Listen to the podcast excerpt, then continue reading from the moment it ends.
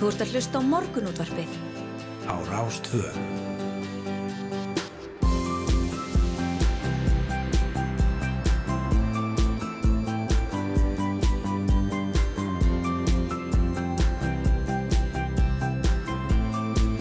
Morgunútvarpið Á Rástvö. Jú, góðan og blessaðan daginn morgunútvarpið heldur hér á stað mánudaginn 28. februar. Það er uh, síðasti dagur mánudarins og það er bolludagur. Já, einmitt. Það er ágætt að minna fólk á það núna í, í byrjun dags. Já, Sérstaklega á svona degi það mikið er í gangi heiminum, þá er hérna ágætt að, að brjóta daginn kannski aðeins upp og, og fá sér bóluða tvær. já, þrjára fjórar. Já, er fjórar. Akkurat. Ég fór einmitt í bakari í gær og, og kefti bólur þar og það var, það var röð út á götu, hreinlega. Já, það? Já, þannig að það sem dagur tvö í, í bólu áti í dag. Þannig ekki, ætla ég alltaf að haga mínum málum. já, emmitt, ég er ekki vissum að ég hefði einhvern veginn um, búist við því að standa í röð fyrir utan verslun þegar COVID verið búið. Nei, nákvæmlega. Nei. Og, og hvað þá í, í svona hérna þessum vetarkulda. Þannig að þetta er hérna, það er ágætt að, að februarmánuðu sé liðin og að hann endi á bóludegi. Emitt. Það þýðir auðvitað að það sprengir dagar á morgun og öskudagur og miðugudaginn fyrir Já. þau ykkar sem að eru ekki búin að- huga búning fyrir börnin. Já, einmitt, einmitt. Það, er hérna kannski ágætt að, að fara, að huga því. Já, ég held að það sé alveg síðast sens. Já, einmitt. Herðan, við ætlum að, að hérna, við ætlum lítið að fjallum bóludaginn í þættinum í dag hins vegar. Bara ekki neitt. Bara ekki neitt.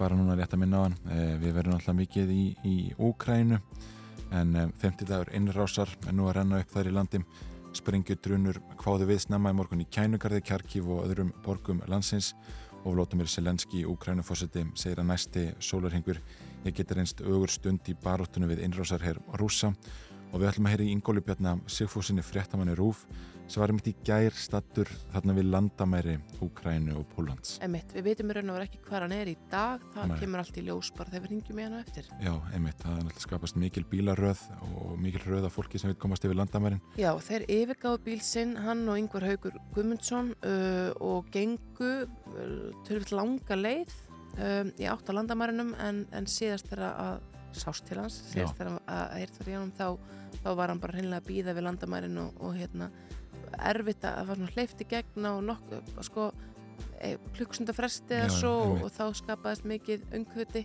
og svo bara tók aftur byðin við. Þannig að já, þetta er hérna e, ríkaraðirastar Já, já, einmitt og það er hitt og þetta sem gerist í nótt. Fyrirverandi fórsættisrað þegar Japans hefur lagt til að bandaríkjamannu verið heimilega að koma upp kjarnorku vopnum í landinu. Þannig að þetta í, í viðtali í gær. Um, og, og, og síðan um, já, vegna frá því að ukrænski herin hafi stöðað allar tilraunir rúsallega hernema kænugarð. E, þar var gerð stórskotaliðs árás í nótt og við ætlum um þetta að heyri Óskari Hallgrímsinni ljósmyndara sem er búsettir í borginni um stöðuna svona núna ég ætlum að ringja hann upp úr klukkan hálf nýju Einmitt. En hlutinir hafa einmitt gerst rætt um helgina eins og uh, yngar nefnir sérstaklega varandi ef, viðbröð Evropasambandsins og fleiri þjóða gegn rússum. Við fjöllum aðeins um alþjóðlega greiðslukerfi SWIFT til fyrir helgi en um helgina voru rúsneski bankar útilokaði frá kerfinu og þá hefur lofthelgi margra Evroparíkja verið loka fyrir rúsneskum flugviljum og margt fleira. En það er samt ekki þannig að rússar séu algjörlega einangraðar á alþjóðavísu Guðbjörg Ríkei Tórótsen Haugstóttir, doktorsnemi, rannsakar um þessar myndir, samband Rússlands og Kína á norðurslóðum og að ræða stöðuna við ykkur upp jólkan átta, svona hvert uh, rúss verið að líta og svo framvegis. Mhm. Úgræna hefur gætna verið kallið brauðkarfa Evrópu en rússar eru til dæmis nýbúinur að gera mjög stóran kveitisamningu Kína. Já, einmitt. Þetta verður mjög áhugavert spjall. Eh, Við ætlum líka að, að ræða við, eh, já, ekki, ekki einungis, við ætlum ekki einungis að ræða um Úkrænu hérna, en ásmyndir Einar Daðarsson menta og barnamálur á þeirram hefur ákveðið að hætta frekari málarekstri í tengsluð brot Liljum Alfredsdóttur forverð hans í starfi á jafnbreytislögum og greiða Hafdísi Helgum Ólafsdóttur miskabætur. Kærun af jafnbreytismála komst aðeirri neðustöð fyrir nokkur síðan að Lilja hefði broti jafnbreytislög þegar hún skipaði Pál Magnússon ráðunitistjóra í menta og menningarmála ráðunitinu Hafdís Helga kærði þá ákvörðun til kærunemnda sem kosti þeirri neðustöð að Lilja hefði ekki að tekist að sína fram á að aðrar ástæðar en kynferði hefðu legið til grundvallar ráðningunni. Lilja ákveði þá að skjóta þessar ákvörðun til hérastóms Reykjavíkur þessum álverðin sá núna að ljúka með ákvörðun ásmundar og þá ætlum við að heyra í Hafdísi sem segir málarekstur Lilju gegn sér ég hafi verið íþingjandi. einmitt. En uh, við ætlum að hefja þáttir hans í Skagafyrði því að byggðar á Skagafjörðar hefur byggðla til alþingis að færa fjóra virkjanakosti í jökulám úr verndarflokki og í byggðflokk á næstu, í næstu samþitt rammaáallunar. Ef að jökulárnar, eruðu virkjaðar hefðu það eins og gefur að skilja margvísleg áhrif á svæðið.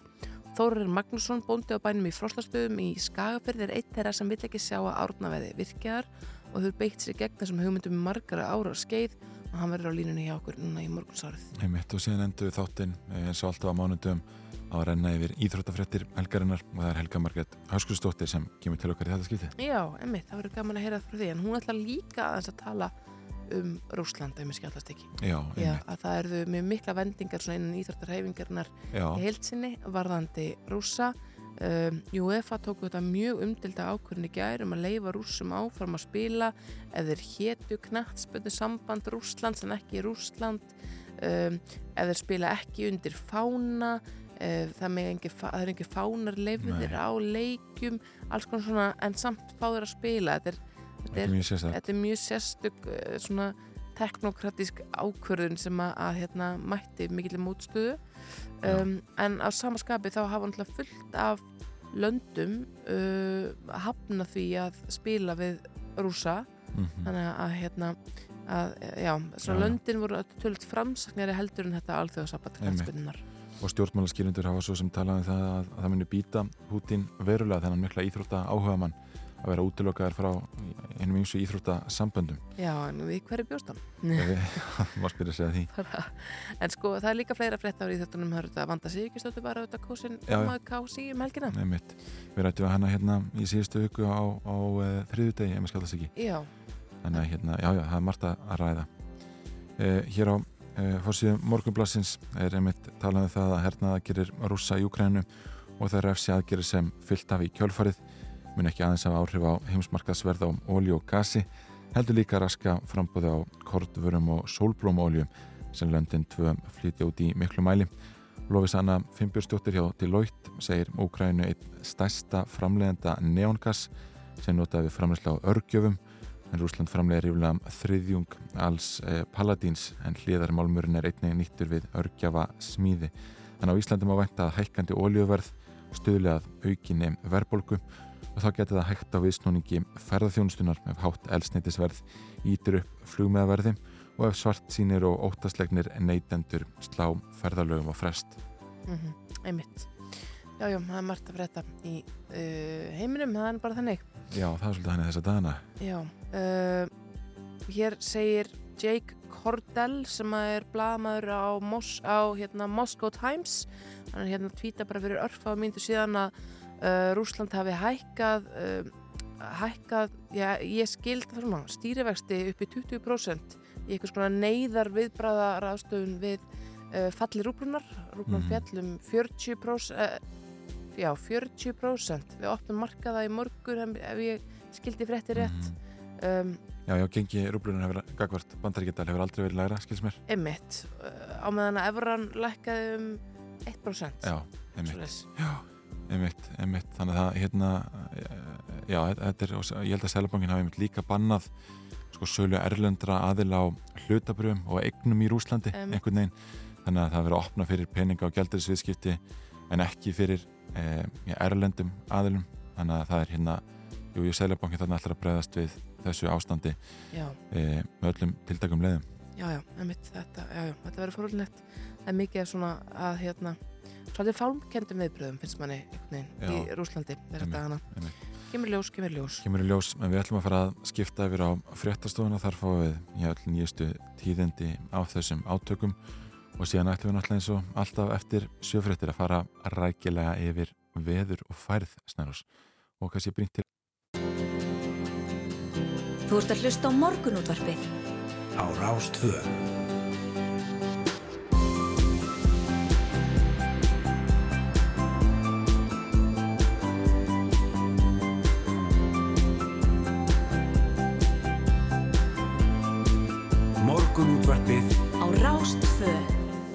Morgunútvarpið á Rástfö. morgun útvarpið býður góðan dag 28. februar sjöfrættir að baki og það er Yngvar Þóró Snæru Sindardóttir sem veri hérna með ykkur til klukkan nýju. Já, gaman að því. Gaman að því við ætlum að ræða margt og mikið í þætti dagsins, ræðum já, Úkrænu, stöðuna þar vel og vandlega, ætlum að, að heyra Ingóli Bjarnar Sigfúsinni sem var í gerstatu við landamæri Úkrænu og Bólands við ætlum að heyra í Óskari Hallgrímsinni, hann er myndlistarmaður og, og ljósmyndari sem er búsettur í Kænugarði og er þar enn. Um stöðuna í borginni núna í morgunsárið. Það var ekki frá því að ukrænski herrin ég hefði stöðvað allar tilrunir rúsallega hernum að Kænugarði nótt. En það er náttúrulega enn barist ég þar Emitt. Þú erum líka að tala við Guðbjörgur Ríkei Tórótsen Haugstóttur sem er doktorsnemi en hún rannsakar um þessa myndir samband Rúslands og Kína á norðurslóðum og getur sagt okkur eitt og annað um hversu einangrað eða ekki einangrað Rúsland er svona á alþjóðvísu á meðan að þessum, uh, þessu stríði stendur. Já, já, mjög mitt. Við ætlum ekki bara að ræða Úkrænum því, uh, Hafdís Helga uh, Ólafstóttir Hún kemur ykkur til okkar og allar að ræða málaregstur Lilju Alfredsdóttur gegninni sem ásmundur einar Daðarsson menta á barndamálur á þeirra á hvaða hætta. E, þetta teng, tengist náttúrulega já, sko, broti Lilju á jafnbrettislögum e, sem e, jafnbrettis, kæru nefnd jafnbrettismála. Kemst þetta niðurst að Lilja hefði broti jafnbrettislög þegar hún já, réð ekki hafði þessi helgu Lilja kærunni þá ákvörun og nú er ásmundur einar Daðarsson já, hættur við frekari málaregstur og Hafdís allar að koma yngar til okkar og segja okkur frá þessu. Hún segir að málaregsturinn gegn sér hafi verið íþingjandi. Emitt. Við ætlum líka að ræða við Þórarinn Magnússon Bonda á bænum Frostastöðum í Skagaferði. Hann hefur lengi barist gegn því að jökulárnar þar í Skagaferði verði virkjaðar en nú hefur byggðar á Skagaferðar óskað eftir því við alþingi að, að þessir vir, fjórir virkjana kostir í jökulánum verði færðir úr verndarflokki og í byggflokk.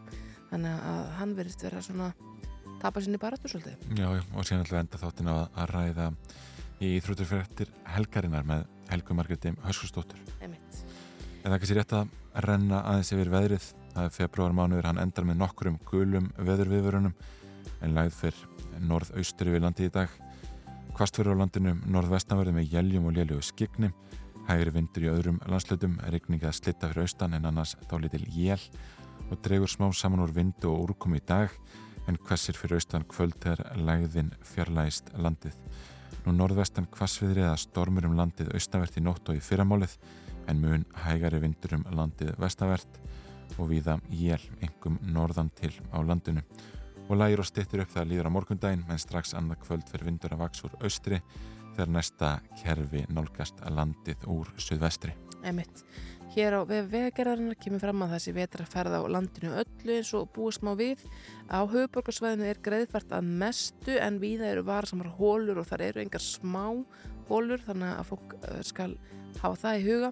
Á Suðvesturlandi þá er vegurinn ófær um Mósfellsheiði og Krísuvíkuvegur er ófær. Um, Helliseiðin er lókuð og næsta aðtjóðin er klokkan tíu og þrengslinn eru líka lókuð en unnið er að reynsun Uh, og nýjar upplýsingar verða við slungan átta þannig að fyrir þau sem að vinna er sérst búa þar og vinna í borginni þá er bara ekkert að það því ekki að fara að stað strax, það er bara þannig. Uh, á Vesturlandi vegurinn um fráðurheiði er lokaður bröttubrekku ófær og holtafurheiði lokuð. Um, Súðavíkulíðin á vestfjörðum er lokuð vegna snjóflóðahættu. Já, þannig að er bara rosa mikið lokað sem að kemur nú bílindu óvart. Já, svona með hvernig veðrið hefur verið. Já, það er svona öðru lítið að lína í veðri allavega e, og, og er endar bálkvast núna í morgunsárið á vestfjörðum. Já, já. E, en, en já, það var svona öðru lítið erfitt að komast úr stæðinu hér á Suðvestur orðinu allavega svo ég tali fyrir sjálf á mig í morgun, e, það var svona ennþá svona hérna hardnaður snjór Já, það eru klakabungar mjög víða, já, þannig að það er kannski svona orðum ofauki að segja að það sé víðast hvarkar eðfært á höfuborgarslæðinu, það er ekki alveg þannig, nei, nei. En, en hérna við bara, já, já, já svo verður það bara. Já, það er ekki að bara stemma á stað inn í þennan dag ef á annað borðið er hægt að komast inn í daginn. E, og, og e, já, bara gæta því að, að bílinn gætalega verið fastur. Algjörlega. Já, herri, við ætlum að fá fyrsta lagdagsins, þetta er stutt skref með Móses Hættaður og síðan ætlaði að fara já, viða, við ætlaðum að heyra í eh, uh, Þóratni Magnúsinni og uh, í Skagafyrði og, og Ingóli Bjarnar í Ókrænu Nefnitt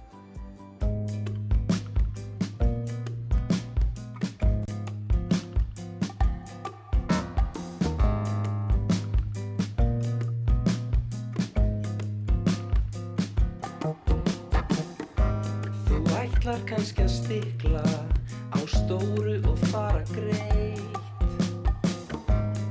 Horfir ekki aftur en það hræðistu ekki neitt.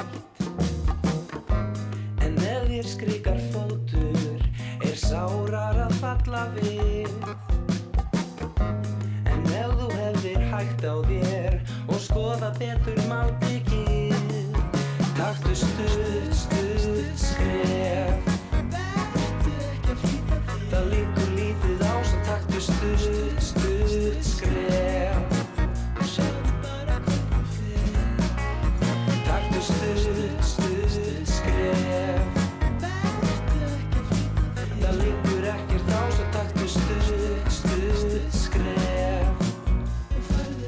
fram úr þér. Eitt er að vita Annað að hafa sér Dreigað sér andan Og slegið taktin með. Hjáleiðin er tímafrek En það er breytt bil. Á milli þess að lifa Og þess að vera bara stutt, skref. Það líkur lítið á Svo taktu stutt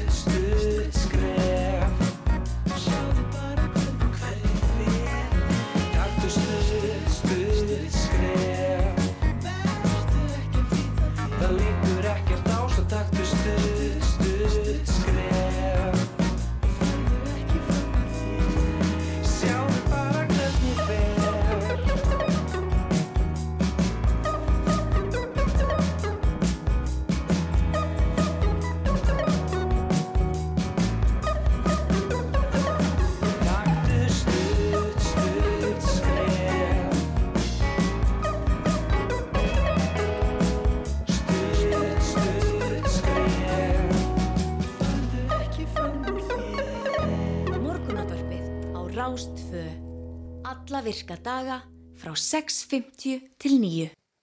Jú, jú, það er einhver, um, það er svona, er eitt og annað sem að- að stríð Rúsland í Úkrænu hefur áhrif á þessa dagana, einhver. Já, já, einmitt, við rættum hérna áðan um ólíuna og gasið og, og landbúnaðar afurðir.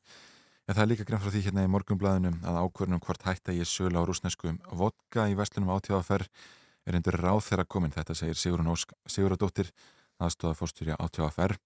En fimm rúsneskar vörur leynast í vöru úrvali átíðaferð, allt vodka. Og vinnbúður í einstakaríkjum bandarækina og í Kanada hafa fjarlægt rúsnest vodka á hillum sínum til þess að sína tákræna samstöðu með Úkrænumunum. Einmitt. Það, já, einmitt. Þetta er svolítið for, forvitnilegt. Það er pínu kannski svona undarlega ákverðin þegar maður, hef maður ráður að býst ekki við því að, ákveða einhverjar sérstakar vörutegundir fara úr hillum ríksins. Já, einmitt. En svona er þetta. Já, já, akkurat. Hún segir hérna með vitum af þessum og erum að skoða hvort við höfum lagaheimil til að taka þetta einhliða úr hillunum. Þá er spurning að heyra í byrgjunum, segir Sigurun Ósk Sigurðardóttir. Einmitt.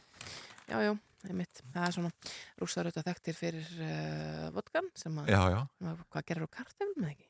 Jú, það ekki. Ég, ég hérna verða viðkynna það, ég fæ mér sjaldan rúsneskan vodka, Já, ekki þannig að bara, þetta myndi ekki býta mig mikið. þetta myndi ekki hafa neinn á, einustu árum á mitt líf. Ekki ég er Nei. meira svona ykkur ítölsku, argentinsku, þú veist, E einhverju þannig. og alls ekki Já. vodka. Nei. Herðu, hérna við ætlum eins og að fara e, til Skagafjörðar hérna eftir smá e, ræða virkjanakosti e, en það spurning hvort við fáum eitt annar lag fyrst Já, ég held að það væri bara ekki, þetta er Baby Blue með Sigrunu Stellu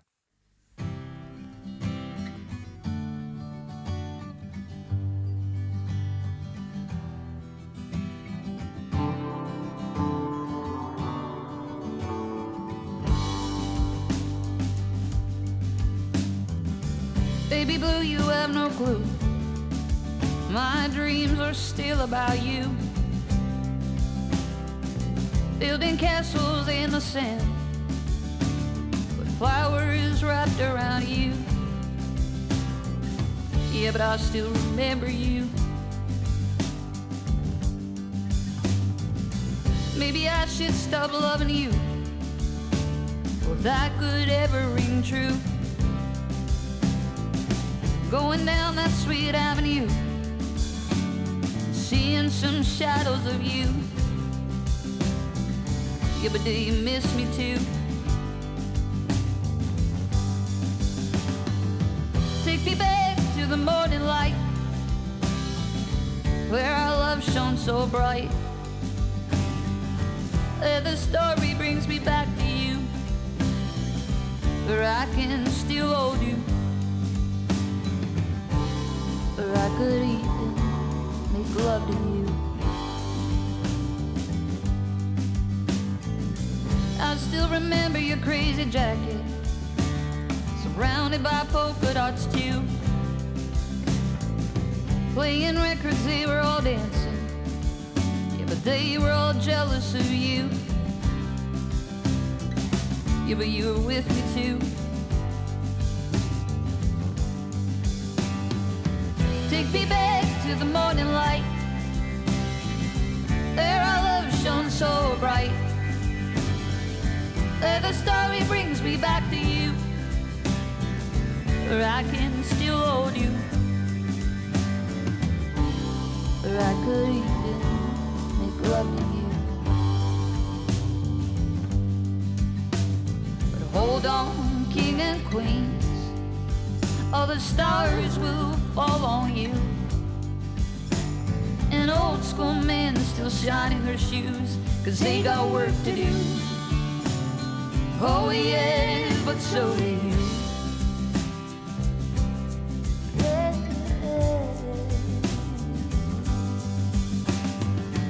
Take me back to the morning light where our love shone so bright.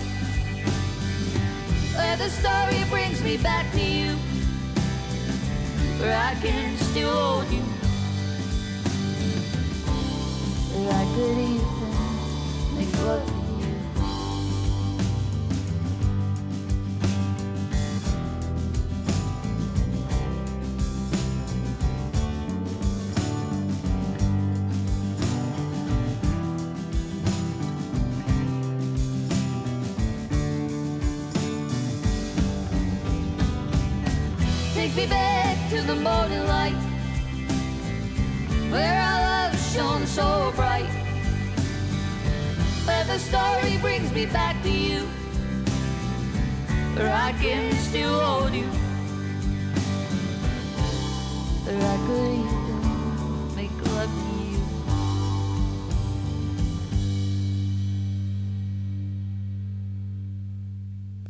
hlusta á morgunútvarpið.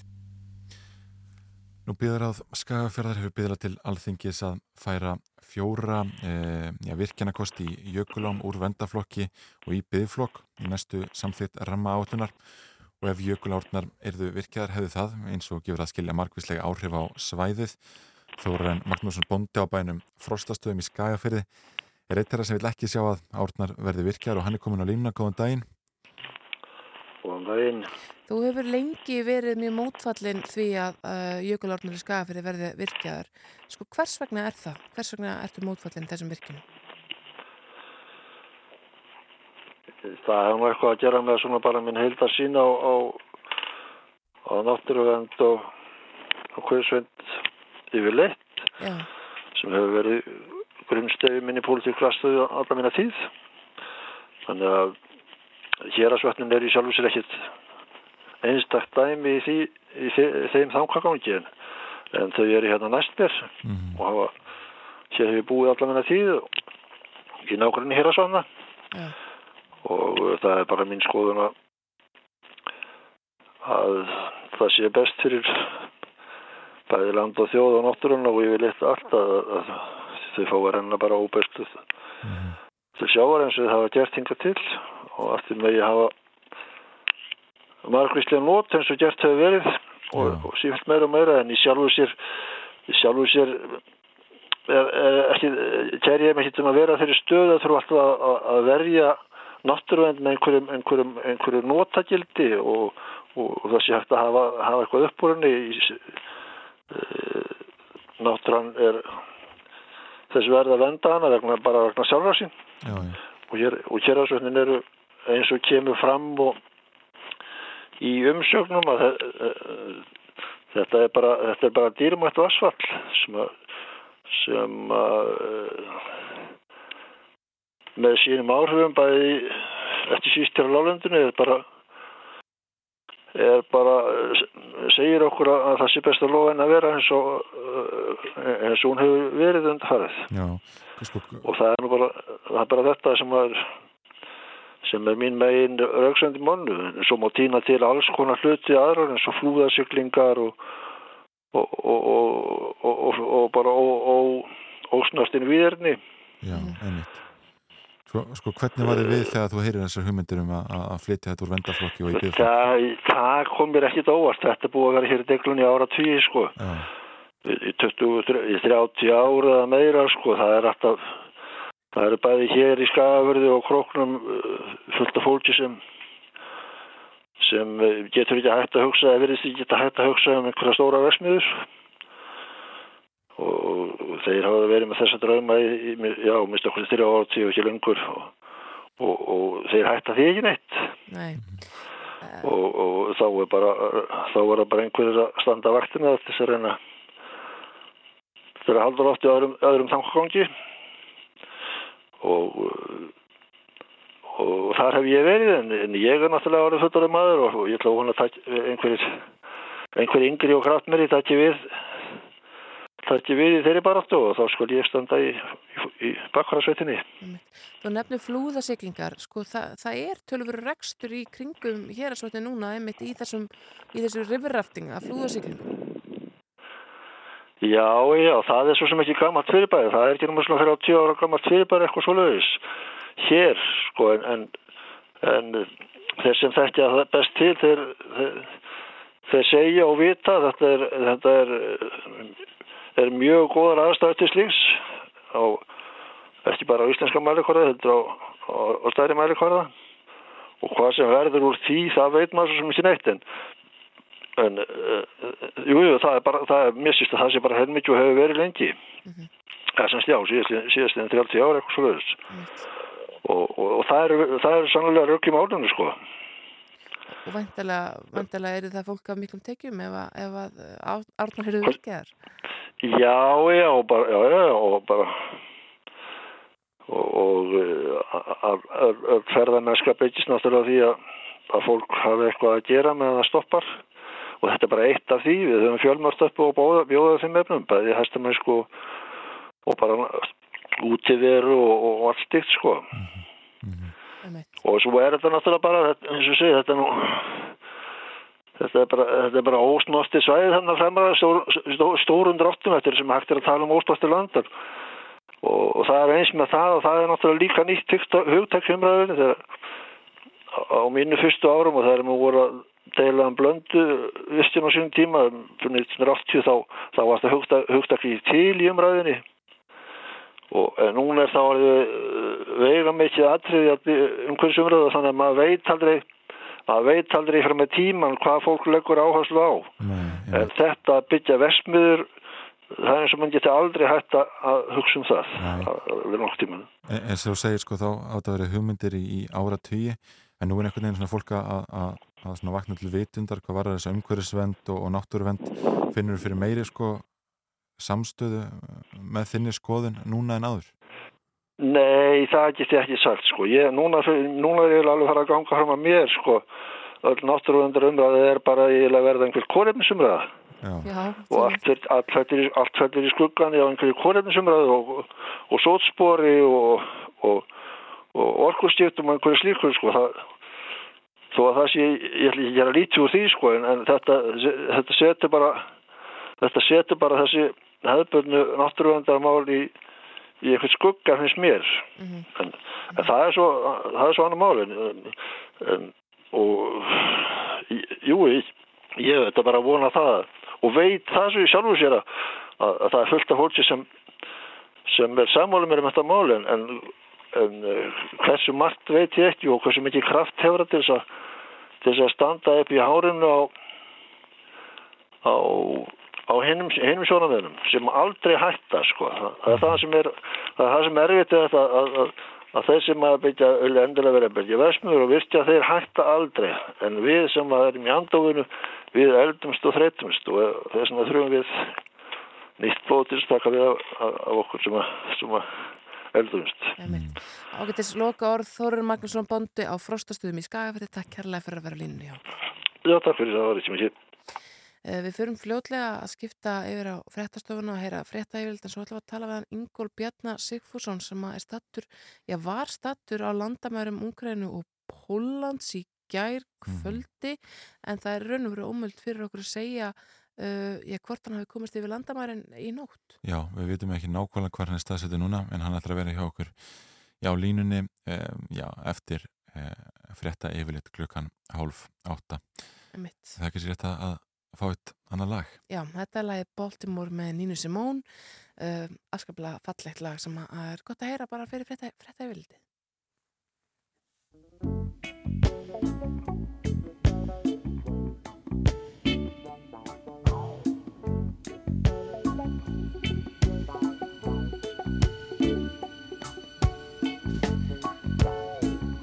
Little seagull on a marble stair.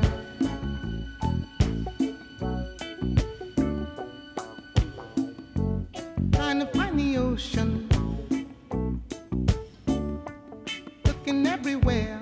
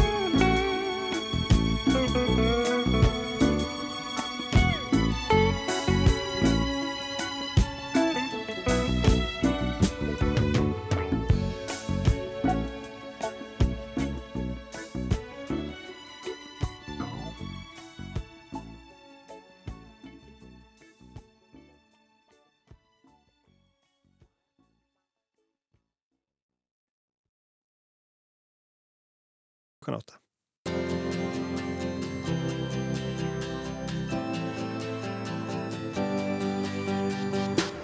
Þú ert að hlusta á morgunútvarpið á Rástvö.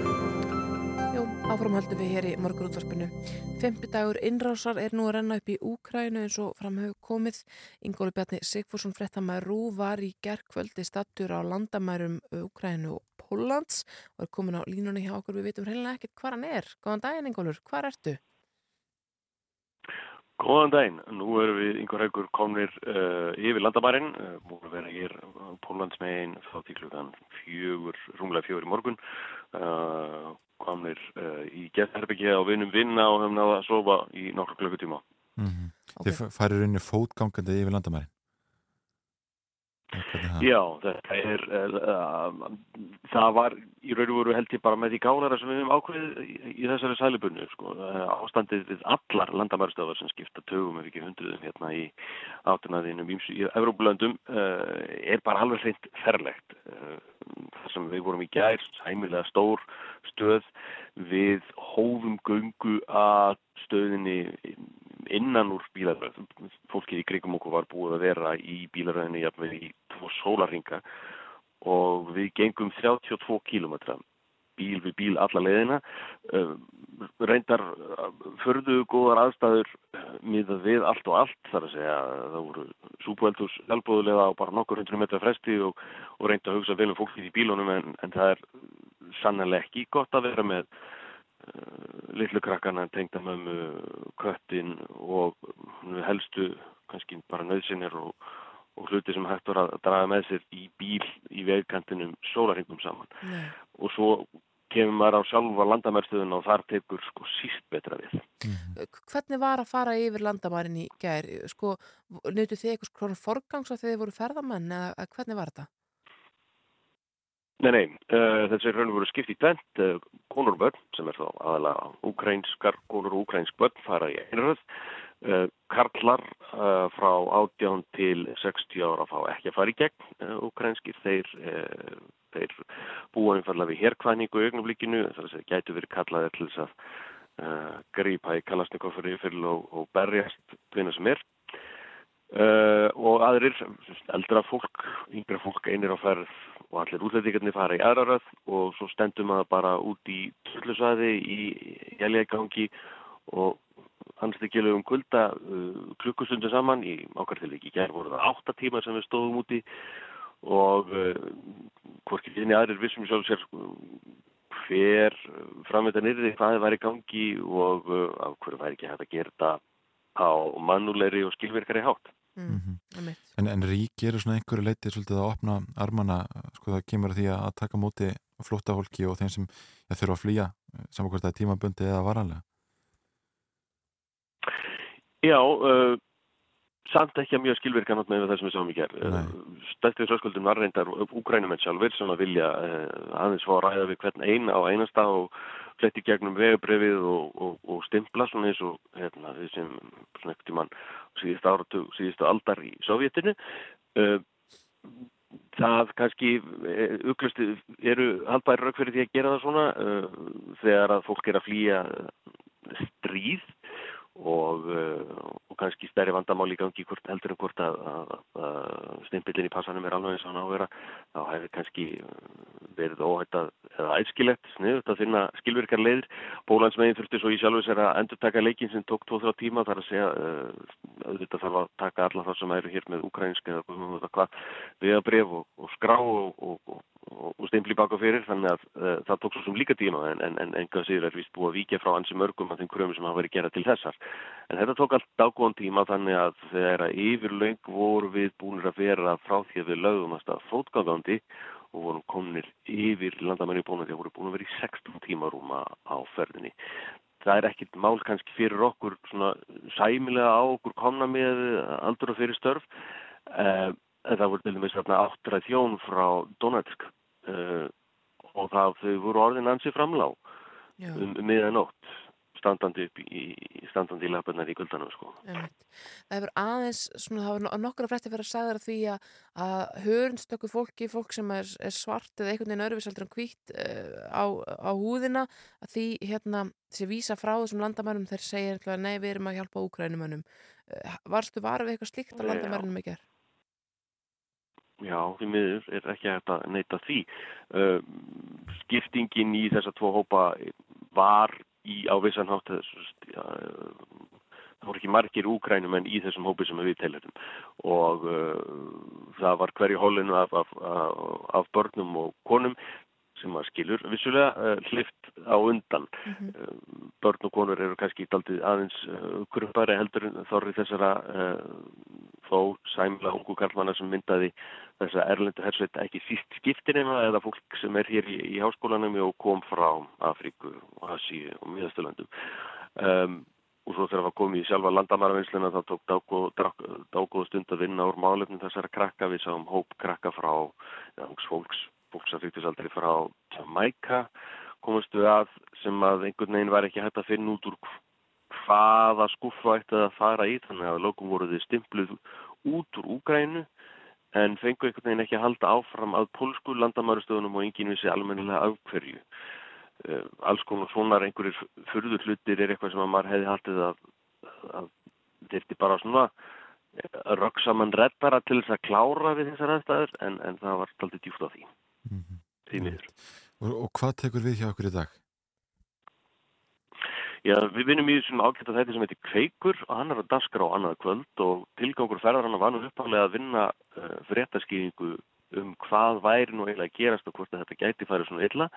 Um, aðstæður og aðbörðurásin aðstæður breytus, aðbörðurásin var annur en við stefnum nú eitthvað ennþá því að vera með umfjöldin í kveikan að kvöld þannig að þú þurfum að reyfi klipitölvuna og, og setjast við vinnuborðið bara. Emitt, og haldið að þið náðu því? Já, það er ekki annað búið þannig að já, já. já. Það er ekki annað búið sko, Þannig að ekki missa kveika morgun Nei, einmitt, einmitt Sko, það hefur náttúrulega talsið rætt núna síðustu daga um, um mögulegan á því að Pútín noti kjarnorkuvopn og, og síðan var e, e, já, sko e, fyrirvöndi fórsæstur að það er Japans að leggja til að bandaríkjamönnum veri heimilega að koma upp kjarnorkuvopnum í landinu finnur þú fyrir því að fólk á þessu svæði hafi áhugir af því að, að þetta fari þannig? Ég held að svona kannski áhugjur þeirra sem voru tökum hennan hók sem er hann að við landamærin hjá okkur í gær síður svona meira bara stefn ég þetta mm -hmm. um, persónulega og hafa mínu nánustu og, og geti kannski ekkert í maður farið heim í eitthvað annað en bara uh, einhverja rústil svona áhugjur skiljanlega kannski þess fólks eru, eru, eru persónulegri og, og, og snúa bara að, að því hvort að þau lifi af sjálf. En ég held að það hafi allir veitt í aðbyggli þegar að rúsars vera svona að ræsa einhvers konar kjarnorku viðbrað eh, ég hef svona ljóðið þess að, að, fyrir viku var sagt að rúsar ráðast aldrei inn af öflu öfli og þeir reynir aldrei að ráðast á kýð þess og Vladimir Putin þurft að vera snældu brjálaði til þess haf ykkur síðan þá var hann nú búin að gera þetta allt saman. Það er vissulega óþægilegt þegar maður sem verðist ekki vera í góðu hjarnsambandi og jafnvægi er farin að tala um kjarnarku það er þess eftir eins og er. Já, já, einmitt. Herði, við fáum að halda áfram að heyri þér hérna úti Ingóli Bjarni Sigfússon, fréttamaður. Þakkaði fyrir að vera á línni Takk, takk. Og hér eftir skamastund þá sest hjá okkur Hafdís Helga uh, Ólafstóttir sem að ásmund reyna það að menta að barnamálaráður hefur ákveðið að, að greiða miskabætur vegna uh, brota Lili Alferstóttur á jafnbrytslögum þegar hún ríðað Pál eh, Magnússon í rándstjóra í menta og manningamálrándunni á síðasta kjörtímbili. Einmitt. Við ætlum að heyri henni en fyrst fá við já, eitt lag til að brota þetta aðeins upp. Þetta er Let It Be með bílunum.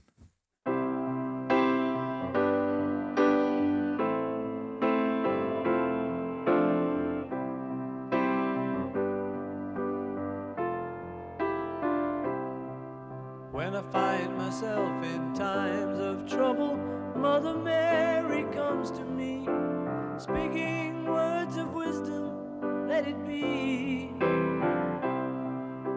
And in my hour of darkness, she is standing right in front of me, speaking words of wisdom, let it be.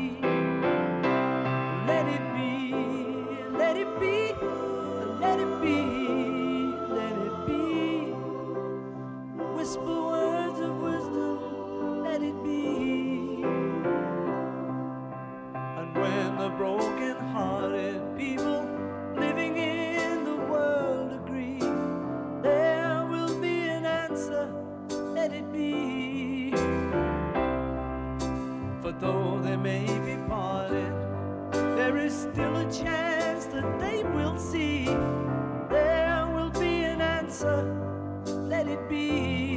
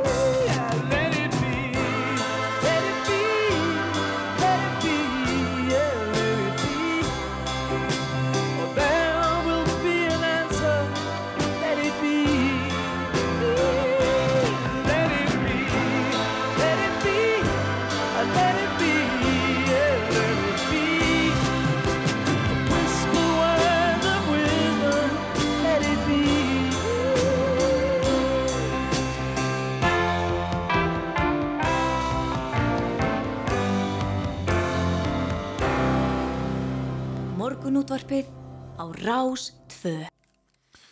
Ásmundur Einar Daðarsson, menta og barnamálar á þeirra eh, ég hefur ákveðið að hætta frekari málarekstri í tengsluðu brot Lilju Alfredsdóttur, forverið hans í starfi á jafnbreytislögum eh, og greiða Hafdísi Helgum Ólafsdóttur miskabætur en kærunemd jafnbreytismála komst þeirri niðurstöð að Lilja hefði brotið jafnbreytislög þegar hún skipaði Pál Magnússon ráðunetistjóra í menta og menningarmálaráðunetinu Hafdís Helga kærði þá ákvörðun til kærunemdarinnar sem komst að þeirri niðurstöð að Lilju hefði ekki tekist að sína fram á að já, aðrar ástæður en kynferði hefðu leið til grundvallar ráðningunni. Lilja sættis ekki við þá niðurstöð á hvað skjóta henni til Hjörastróms Reykjavíkur.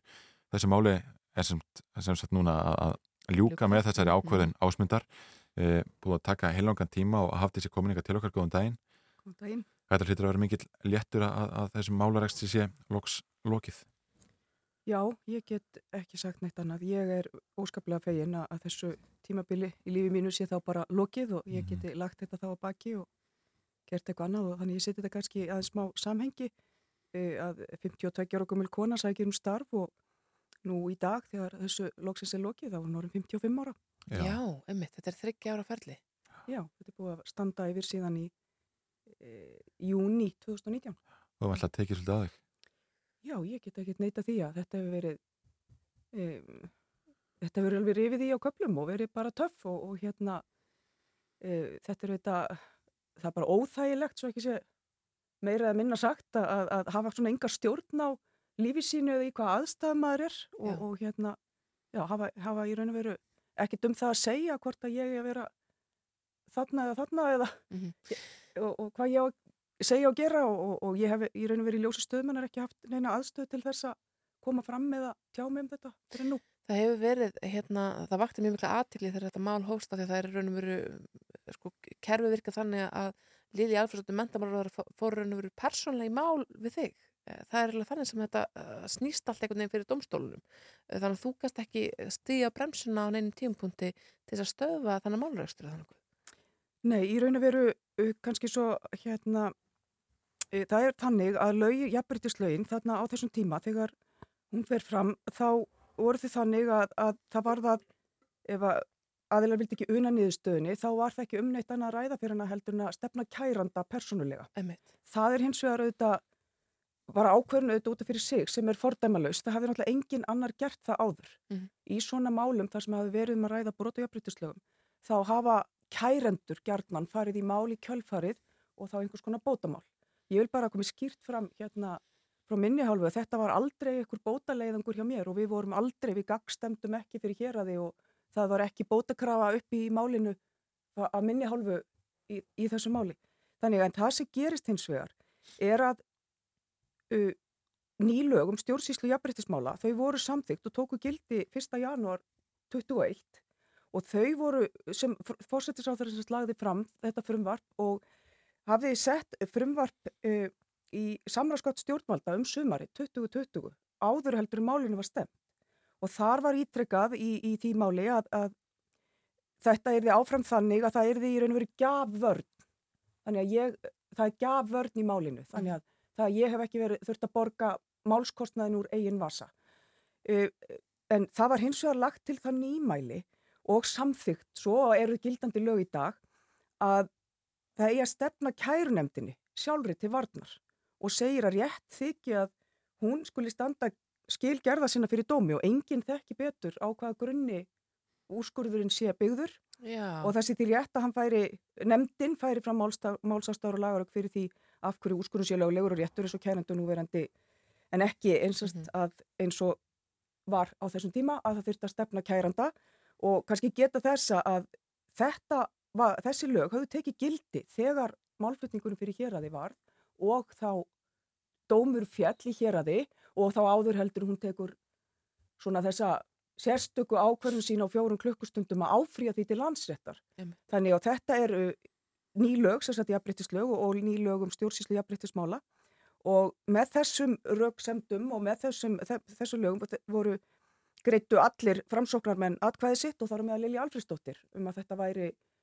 Það eina rétta að stefna kærunemdini. Þannig að Já, hún er svolítið sérstætt. Hefur þið hirtið Lilju eftir að ásmundur tók þessu ákvörðun eða eitthvað bara síðustu mánuði? Nei, það, það er nú eitt í þessu að því að sem hefur gert þetta finnst mér mjög sérstætt. Ég hef bara, hún hefur bara eins og ég hef bara leift mér að orða það, hún hefur bara aldrei á mig yrt í gegnum allt þetta ferli mm -hmm. og mér fannst það líka mjög sérstakt þó að þetta hefur verið á COVID-tímum í janúari fyrra þegar þetta réttar, réttarhald var mm -hmm. að hún heilsaði mér nú ekki eins og í réttarsal þannig að já, ég segi bara, þú veist, hver er þessi ósynilegi anstæðingur minn Sko, allan tíman. Þú hefur verið skrifstofstjóri í stjórnaráðinu, eh, fórstráðundinu, réttar sagt, og, og, hérna, eh, og ert núna eh, í dómsmálráðundinu, sko, þannig að þið hafið hist. Já, ég meina þetta er svona fram að þessu, þetta, fram að þessu ferli að þá meiri segja þekkti hana og bara þekkti hana lítið að góða einu, við erum fyrirverandi nágrannar, þannig að mér fannst þetta nú allt saman með miklum ólíkindum. Og heldur þetta að hafa verið persónlegt eitthvað leti? Ég get ekki ímyndað mér það.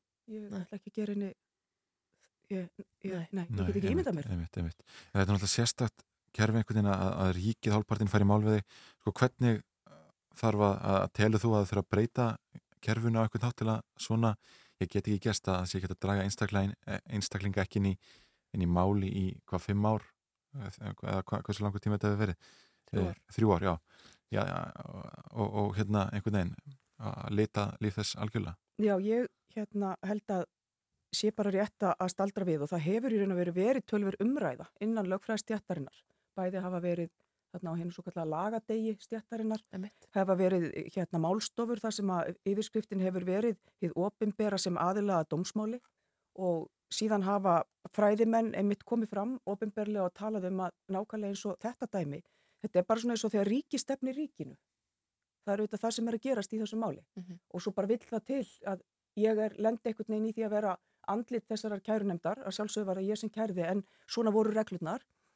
E, það eru til einfaldlega e, verklagsreglur eða reglur um verkla í samskiptu við embætti ríkislögma, leiðbeiningar fyrir ráðunit og stofnanir sem var gefið út í desember 2019 af fórsættisándinu og í þessum verklagsreglum að þá er já bara nánast ekki minnst á þann möguleika ríki sé að sækja Mhm. heldur það er bara verið að tala um uh, þegar ríkið er að taka til varna og hvaða og svona hvaða reglum ráðuneytin og aðrir að sinna við það þegar verið er að hérna, vinna í þeim, þeim málum og það er einfallega mjög fátítt að ríki stefni Mhm. og það er auðvitað bara örgulega hægt að fá einhverja statistík um það og, og, og það hlýtur að þurfa að vera einhvert mat sem fyrir fram, hvaða hagsmunir er í húfi, Mm. hvert er þá markmið með málsókninni, Uh, hvað má hún kosta og er hún hérna í þáu almannahagsmuna Einmitt. þannig að það er svolítið það sem mér finnst hérna og ég ætla bara að leifa mér að segja að því að ég hef bara kynnt mér þetta mjög vel og, og, og hérna að þetta er bara ekkit alveg eins og í samanburði við siðmentu ríki sem við berum okkur sama við. Það myndi þetta ekkit vera farið í mál nema að væri búið að vera eitthvað hagsmunamatt og, og það þarf að vera einhverju gríðalegir fjárhagslegir hagsmunir undir, það þarf að vera meðalhóf og í öðru löndum bara til dæmis eins og í Noregi eru miklu skýrari reglur um það hvenar, hvenar og, og eftir hvað leiðum á áfrýja málum til dæmis. Uh, svo tekur uh, hérna ásmundur við þessu máli þegar, hann fer í batna og mentamálaráðundi núna í haust. Hvenær hefur hann samband og hefur hann persónulega samband við þig til þess að, leita leiða til þess að leysa þetta mál?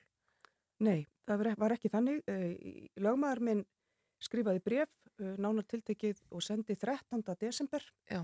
og það þá fór þá til auðvitað setts ríkislögmanns og ásmundar og, og, og, svo, og svona ósk okkar hálfu um það hvort að það væri ekki mála linni og væri ekki hægt að setjast niður og reyna að komast að einhverju samkomalagi og klára þetta. Mhm. Þar sem að þá lág fyrir að, að hann fekk þetta mál sérsett í fangið eftir myndun nýra ríkistjórnar Einmitt. Mm. og síðan fór þá í gang uh, svona málaleitanir milli og, og umræður á milli minnslögmanns og, og settslögmanns, ríkislögmanns og þetta var svona verið að ræða þetta núna og það sem að held ég að gerði síðan útslæði var að þetta komst óvænt á dagskrá landsréttar og, og í staðan fyrir að sitja hér þá hefði ég átt að sitja þar sem að hefði verið að flytja þetta mál í dag Mm. í landsrétti og þetta kom sér sett á dagskrá landsréttar í byrjun þessa mánaðar. Við höfum alltaf einhvern veginn reikna með því að þetta er ekki fyrir kannski svona í júni miða við málsræðan í landsrétti og við vildum bara fá svör þannig í desember. Nei er líka svar á okkar mati og þá hefur maður bara geta sett undir sig hausin og vita að við þarfum að lifa við þetta fram í júni. Mhm. En allavega það komst skriður á og, og ég segi bara, mér finnst ásmundur bara maður og meiri að hafa klárað þetta. Mhm. Og ge- gekk það vel? Það er svona sátt á umlitanir.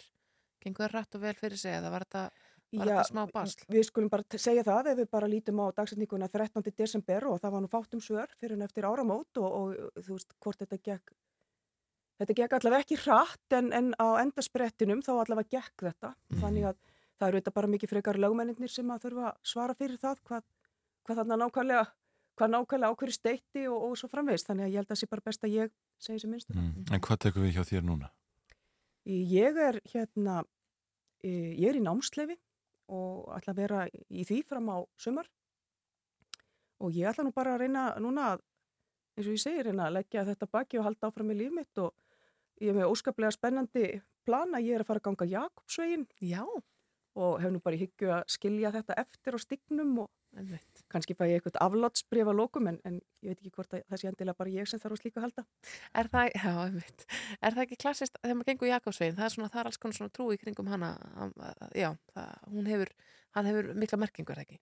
Jú og líka það sem var er, hérna dásamlegt því ég fekk að heyra það að í þessari ferð sem ég er að fara í að þá er það skilda að hérna uh, hvað við segja, að hérna hafa hljótt alveg fram á hátegi og hugleiða og ég held að þetta sé verði hérna afskaplega gott og þart að hérna svona aðeins fara í gegnum lífsitt og Algjörlega. já, já, ég held að þetta sé bara ég hlakka mikið til. Yngvar, við ættum að fara að taka upp á því að hafa hljótt fram að háti. Já, einmitt, það er spurning hvað hlustendur myndi fagna því. Já, spurning. En Hafdís Helga Ólastóttir, þakka fyrir að kominga til okkar í morgunúðarpið. Við höldum hérna áfram eftir áttafréttir, allum þá að ræða við Guðbjörgur Ríkei Þórótsen Hugstóttur um, eh, já, Evrópusambandið Rússa og Úkrænu Já, og hvernig Kína. Tengist þessu öllu saman þegar kemur að, að viðskiptum. Þannig að, eh, og síðan alltaf að hér í Óskari Hallgrímsinni, hann er enn stattur í kænugarði og ætlar aðeins að, að segja okkur frá stöðinu núna í morgunsárið. Mhm. En fyrst skiptu við yfir á fréttastofuna. Þú ert að hlusta á morgunútvarpið. Á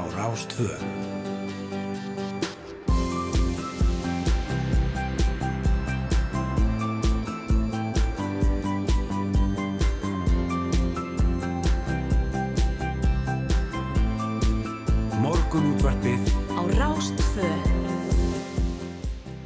Jú, jú, hún var fimm myndur yfir eins og... eins og Bjarni Pétur sagði og það er vissulega bóludagir í dag því að fagna öll vonandi. Já, algjörlega. Allan um ég, ég er án svöng. Já, það ekki? Jú. Jú, einmitt, ég er bara skil það vel. Það er hérna uh, margir sem þar meðal ég sem svona byrjaði í gær, fór, tók fyrsta hollið af bólum og, og ætla að halda áfram í dag. Já, já, þetta er alveg vika, það er bara þannig. Já, já, þetta er bóludagsvika. Það er ágætt að, hérna, baka mikið og, og eiga nægan afgang líka. Jú, jú, og fyrir þau sem að er að senda krakkana sína í skóla núna, þá má koma með bollu í grunnskólan, þannig að ekki gleyma því. Já, einmitt. Það er ágætt. Það var röð út úr dyrum sko, já, og, og svolítið langt út þegar ég fór í bakari í gerðmæðurisja. Þannig að það verður eins og Arnar Björnsson eh, komst að í þessu ágæta viðtali. Það verður nóg að gera í dag. Já, já. 80.000 bollur bara í einum bakari, þetta er... Það mátti segja þetta svo mikið. Já, einmitt, einmitt. En þetta er, þetta er alltaf ágætt að brjóta upp svona hérna februar og marsmánuð með einhverju svona, en alltaf öskuta framönda núna á, á miðjögudaginn. Og einmitt ágætt að foreldrar hafi líka það í huga að hérna, já, já, klæða börnir upp í einhverja skemmtilega búninga. já, já, já.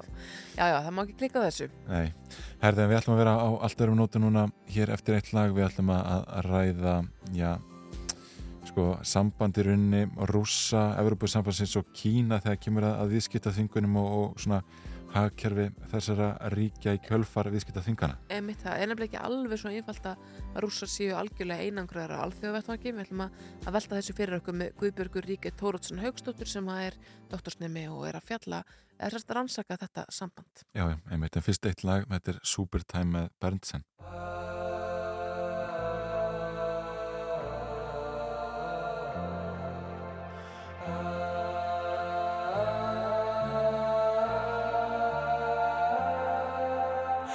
The path in the sky. How can I go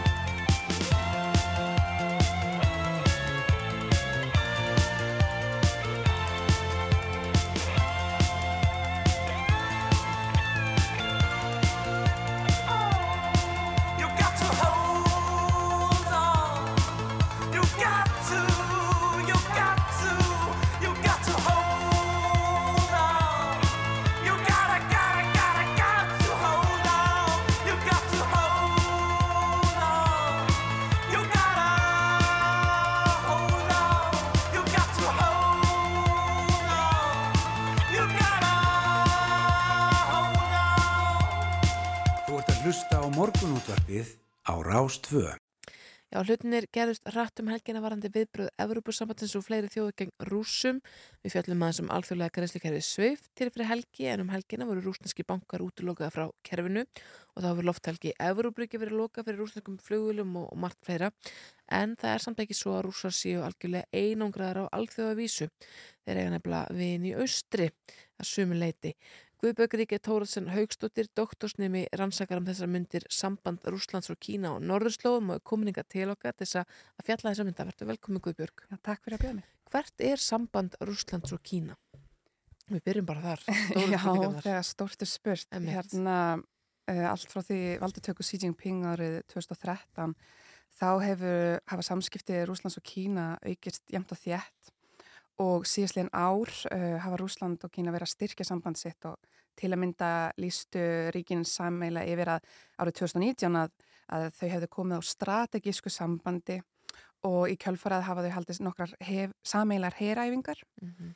Uh, Xi Jinping hefur líka kallað Putin sinn nánasta vin og hefur Rúsland skrifað undir vilja yfirlýsingu um þáttöku í belt og braud, hérna kínveska innvið og fjárfestingaverkamninu. Já. Og svo ef við lítum aðeins uh, nær í tíma þá fyrir uh, þremur vikum þá lístu kínvesk og rúsnir stjórnvöld því yfir að samskipti ríkjana ættu sér engin takmörk uh, og svo yfirlýsing átti sér líka staði í fyrstu heimsókn Xi Jinping uh, í personu frá upphafi COVID-faraldursins Mm.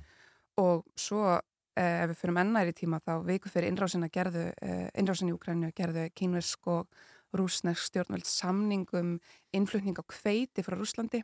Það sem fyrir, fyrir samningur eh, náði engugu til ákveðina svæða en núna var hann útvíkar í leifa innkaup á kveiti frá öllu Rúslandi. Mhm. Uh, og svo uh, gerðu líka samninga um kaup á gasi frá meira gasi frá Já. Rúslandi til Kína. Það hefur náttúrulega verið mikill vöxtur í efnaðslífinu og efnaðskerfinu hjá kínverjum. Er sko svona æskilegt hagfræðilega að fara að tengjast rússum en frekar í staðis að, að- leita vestur?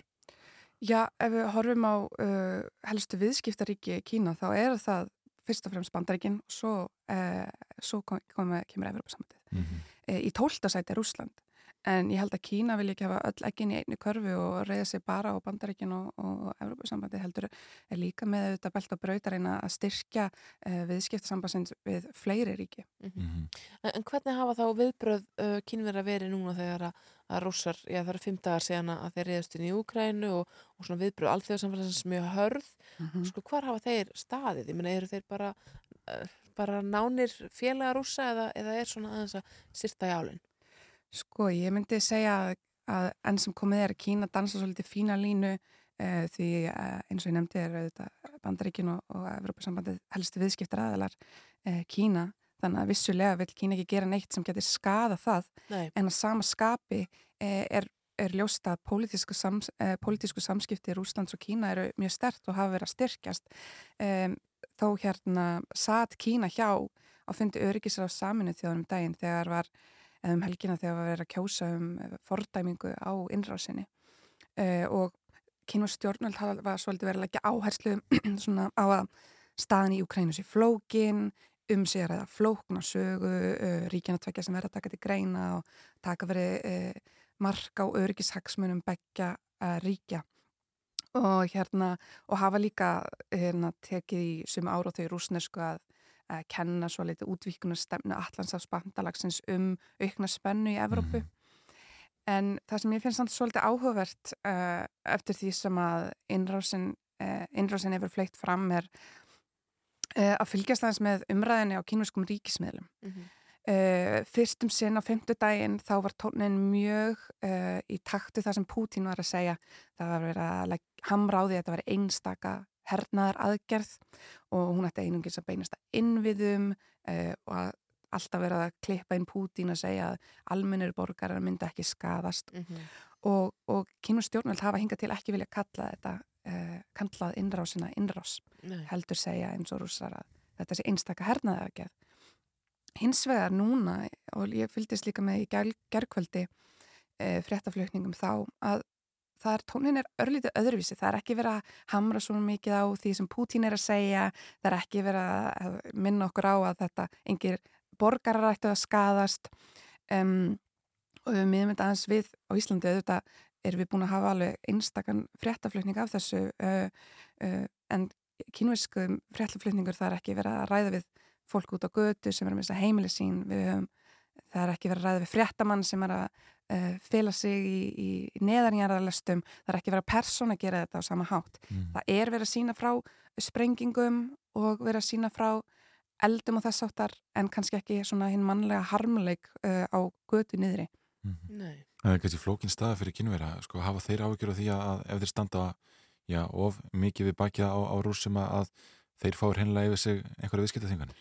Já, ég held að það sé algjörlega áttin að hérna Kína vill ekki uh, hérna já koma að það komi þannig út að þeir styðji við innrásina. Þeir uh, stjórnvöld hafa líka uh, ítrekkað að það er alltaf að verða fullveldi allra ríkja og þetta er eitthvað sem Kína hefur sagt svo árum skiptir um, að hérna og sem sagt, utaríkisráð þegar Kína Wangi setti svo fram fimm megin atriði sérstaklega í, í samhengi við Úkrænum að, að Kína virði fullveldi allra ríkja að koma verða á sjálfböru öryggis umhverfi að Kína fylgis með stöðumála og líki ekki við núverandi stöðu uh, að Kína hveti til diplomatískra samskipta og að öryggisráð saminu þjóðana er að vera uppi, uppbyggilegur vettvangur til að leysa Úkrænumálið eins og þeir kalla það. um, Wang uh, sagði hann framt og þá er ég að vísa beint í að þegar kemur að friði og öryggi þá hefur Kína met í því á meðal stórvelda við höfum aldrei ráðist inn í önnur ríki eða átt í proxistriði, sagðan uh, og Kína vilji fremur vinna að friði. Þannig að það er vissulega, það er ekki verið að fordæma innrásina en það er heldur ekki verið að samþykjana. Nei, þannig að það, það eru ekki mikla líkur úr því að, að kínverjar myndu taka beina þátt í einhverjum eh, hernaði með rússum eða verða slík bandalagstjóð. Uh, á þessu stíði málsins held ég þessi mjög ólíklegt. Um, og líka til þess að svona sína smá velvilja þá hérna þráttur að Kína takk ekki beint átt í efnahagsþvingunum vestuvelda þá hafa samt uh, núna um helgina kínverski ríkisbankar það er að segja ICBC og Banki Kína ákveða takmarka fjárveitingu fyrir kaupum á rúsneskum vörum. Mm -hmm. uh, og svo ákverðun uh, sangkvæmt fréttaflutningi Bloomberg var tekin ótt að við að, að það leifa fjárveitingu á slikum kaupum geti verið tólkaður sem einmitt stuðningur við innrás rússa Mm. og það geti haft í för með sér efnahagsninganir á Kína. Uh, en hins vegar eiga þessar uh, takmarkanir að vera tímabundnar. Mm -hmm, en takist kynverðum einhvern veginn að, fæta þess að slóða að, hérna, að styggja ekki um of uh, þessi vestrannu ríki og halda rúsum góðum á sama tíma þá lítið það að, að því að já, bara kynverði hagnast verulega ástandur Ég myndi nú ekki segja að Kína er hagnist ástændinu. Um, uh, Kína reyðis, er útflutningsmiða hagkerfi og reyðir sig á uh, uh, alheims hagkerfið og fleiti út vörur. Uh, og Kína og Úkræna hafa almennt átt í góðum samskiptum og, og töluverðum viðskiptum. Til dæmis uh, árið 2020 námi viðskipti ríkina 15 miljardum bandaríkjadala og Kína var þar með stærsti viðskipta aðli Úkrænu Úkræni hefur líka selt ymsan varning uh, til Kína, til dæmis sólblómaolju, jár, mæs og fleira. Og, og Kína verður flutt uh, til Úkræni mestmægnis velbúnað og, og almennar neysluvörur. Og Kína er jafnvel stærsti innflytjandi af úkrænisku byggi í heimi. Og hvað var að pólitísku hliðina þá er Úkræna þáttakandi í kínverska innvið og fjárfestingaverkefninu Beltabraut Mm. og kínversk fjár, fyrirtækja var fjárfest tölvert í Úkrænu síðustu fimm ár og, og samskipti ríkjana vaksið jæmt og þrétt, e, þétt síðastlegin áratug. Þannig að innrásin er auðvitað innrás á samstarfsríki Kína að þessu leiti. Já, já. En hvað með SWIFT-kerfið? Sko, geta rússar bara hallað sér upp að Kína þegar að búið er að loka á einhvern veginn að þeir noti þetta alþjóðlega greiðslu kerfi sem SWIFT er? Já, það er svolítið áhugavert að í hérna rúsneskum ríkismiðlum í gær sá ég umfjöllunum að e, á Spúknik, e, hérna þessum rúsneska ríkismiðli að að uh, Swift hefði engin áhrif á Rúsland, að BRICS-ríkin til dæmis, það er að segja Brasilia, Rúsland, Indland, Kína og Söður Afrika gæti komið sínu eigin kerfi í staðin fyrir Swift og, og það gæti veið mótið þessum efnaðarsþvingunum eh, eða þá að Rúsa gæti bara nota því kynveska CIPS eh, sem er eh, tekið líka sem möguleiki eh, og sæmilegt eða þá koma á sæmilu kerfi Rúslands og Kína. Mm -hmm en hins vegar er engin umræð um slíkt á kínverskum ríkismiðlum. Uh, þannig að ég held að, að Kína vil ekki líta út fyrir að, að, að hérna, sem einhvers konar að komi þannig út að efnahagur Kína sé einhver flóttalegi fyrir rússa. Nei, Þa, það er ekki þannig að þeir ætla að skera það bara á snurunni með þetta og þannig að lífi geti haldið áfram sem manna gangur í Úslandi. Nei, allavega eins og staðin er núna þá vil ég þar allavega ekki að þeir lítið þannig út, getur við sagt. Nei. Þannig að það, það sem er að segja, svo við bara svona kjörnum það eins, uh, Guðbjörg, sko, Kína áæla meiri hagsmunni í því að, að hérna, að svona, um, ekki halda með en svona að styggja ekki uh, Vesturlund, bæði bandaríkinu og Evrópu. Já, bæði hagsmunni er að styggja ekki Vesturlund og að styggja ekki Rúsland. Við erum að tala um hérna uh, helstu viðskiptaríki Já. á móti þínum sterkasta pólitíska samstarfsæðila. Þannig að þetta er mjög erfið stað að vera í. Já, já, einmitt, einmitt. En hvað heldur að þetta því fyrir sko önnur ríki í, í svona austanverði Asju? Já, sko Indland uh, er líka áhugavert að á fundiði öryggisra á saminuð þjóðana þá kölluði indvar stjórnveld eftir því að Úkræna og Rúsland uh, myndur reyna að vinda á hana af ástandinu en sátu líka hjá þegar kosu var um álöktunina. Uh, og indvar stjórnveld hafa haldið upp í svolítið svipaðri orðræði og Kína að því leiti að um sér að flókn og sögutvækjar í gafir sérstakar öryggisaðstöður. Uh, Indland reyðir sig á vopn frá Rúslandi. vopn sem Indland hefur til dæmis notfært sér gegn Kína á landamæradeiluð ríkjana við Himalægifjöll Já. og svo bandamanni Kína Pakistan í Kashmir hér. Þannig að í desember til dæmis e, síðastliðnum skrifuðu Rúsland og Indland upp á stóra vopnarsamlinga til dæmis upp á kaup á 600.000 vélbusum þann en Indland reyði sér líka á samskipti við bandaríkin sem hefur verið stuðningsmæður Indlands til að mynda á Indlandshafi til að vega á móti e, Kína og belt og braut á svæðinu. Einmitt. E, svo ef við horfum á önnur e, ríki e, í Asju um, það er ljóst að neikvað áhrif að efnahag Rúslands geta haft neikvað áhrif á e, haft einhvers konar dómin áhrif í öðrum ríkjum til dæmis í Kirkistan e, en Kirkistan hefur stutt Rúsland ofinberlega í innræðsinni í Ukrænu e, og á Twitter síðu fórseta Rúslands var því listi yfir að Rúsland og Kirkistan ætlaði að styrkja strategist sambandsett. Eh, samkvæmt upplýsingum frá bandaríkjum þá neytaði Kazakstan hins vegar eh, Rúslandi um beina hernaðaðastóð en Kazakstan hefur ekki ofinbeglega staðfesta og svo hefur Úsbekistan leist sig hlutlösa hvað var það innrásina. Einmitt. En það er líka eitt annað ríki eða, já, í, í Asíu sem að mér finnst áhugavert þessu samingi, það er Tævan. Mm. Það er ljóst að ef kemur til innrásar á Tævan muni kynvið stjórnveld reyða sig á stuðning rúsa. Þannig að það kemur kannski ekki á óvart að kynvið stjórnveld séu korki að fordæma árásina mm -hmm. en er ekki heldur að dása manna. Mm -hmm. um, og í kjölfar innrásarinnar í Úkrænu hafa stjórnveld Tævan aukið viðbúnaðstig sitt við hugsunlegri innrás kynviska hersins.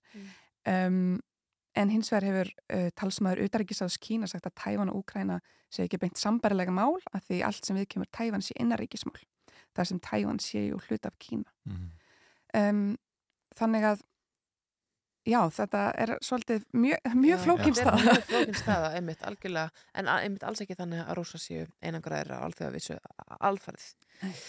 Guðbjörg Ríkei Tórótsen Haugstóttir, doktorsnum í stjórnmálafræði takk kærlega fyrir komuna í morgunúttarpið Takk fyrir.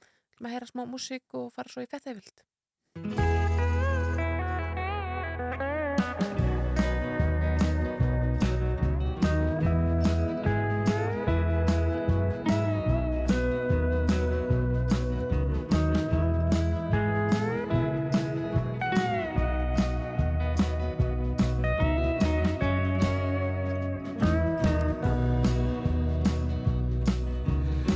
Your coat, put on your shoes, let's go. Come on now, baby, come get lost with me. My hand in your hand, what more could we want? Every part of me craves your company. Gonna have fun tonight, bona fide.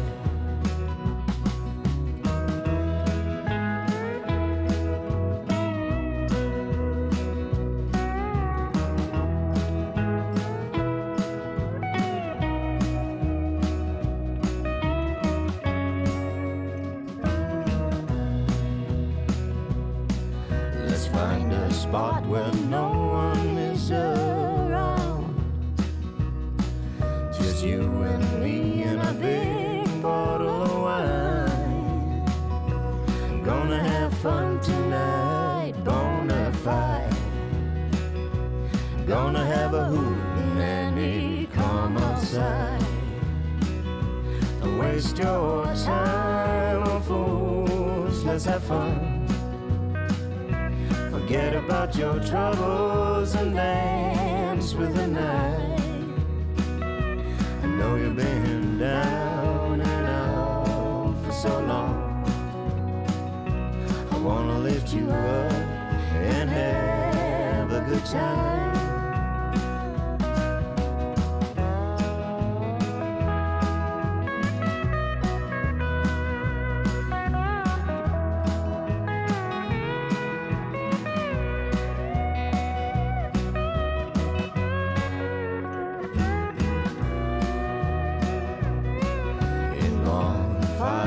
Sparks we will shine,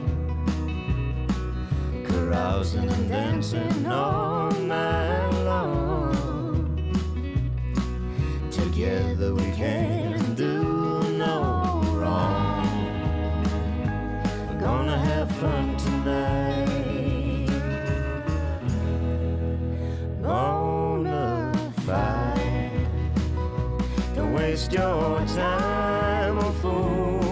let's have fun. Forget about your troubles and dance for the night. I know you've been down and out for so long. I wanna lift you up and have a good time.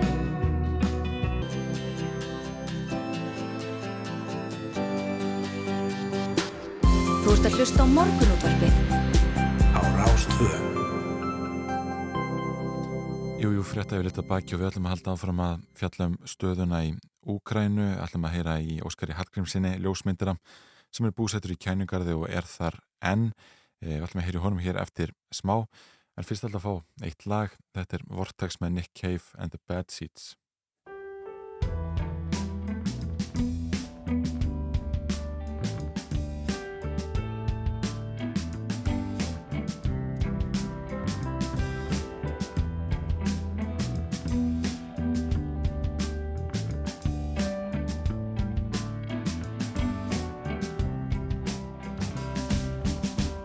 When my love comes down, down to see you. When my love comes down, down to see you. I just want.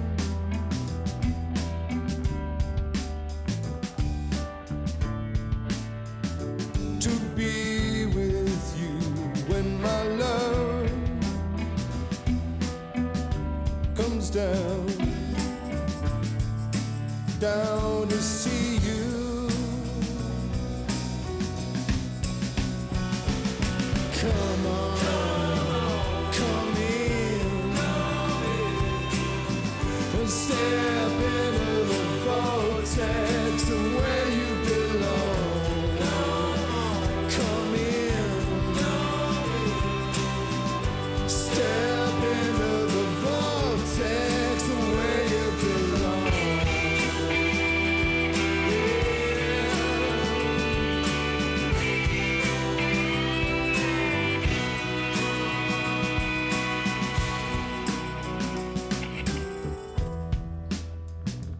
just want to hold your hand. I just want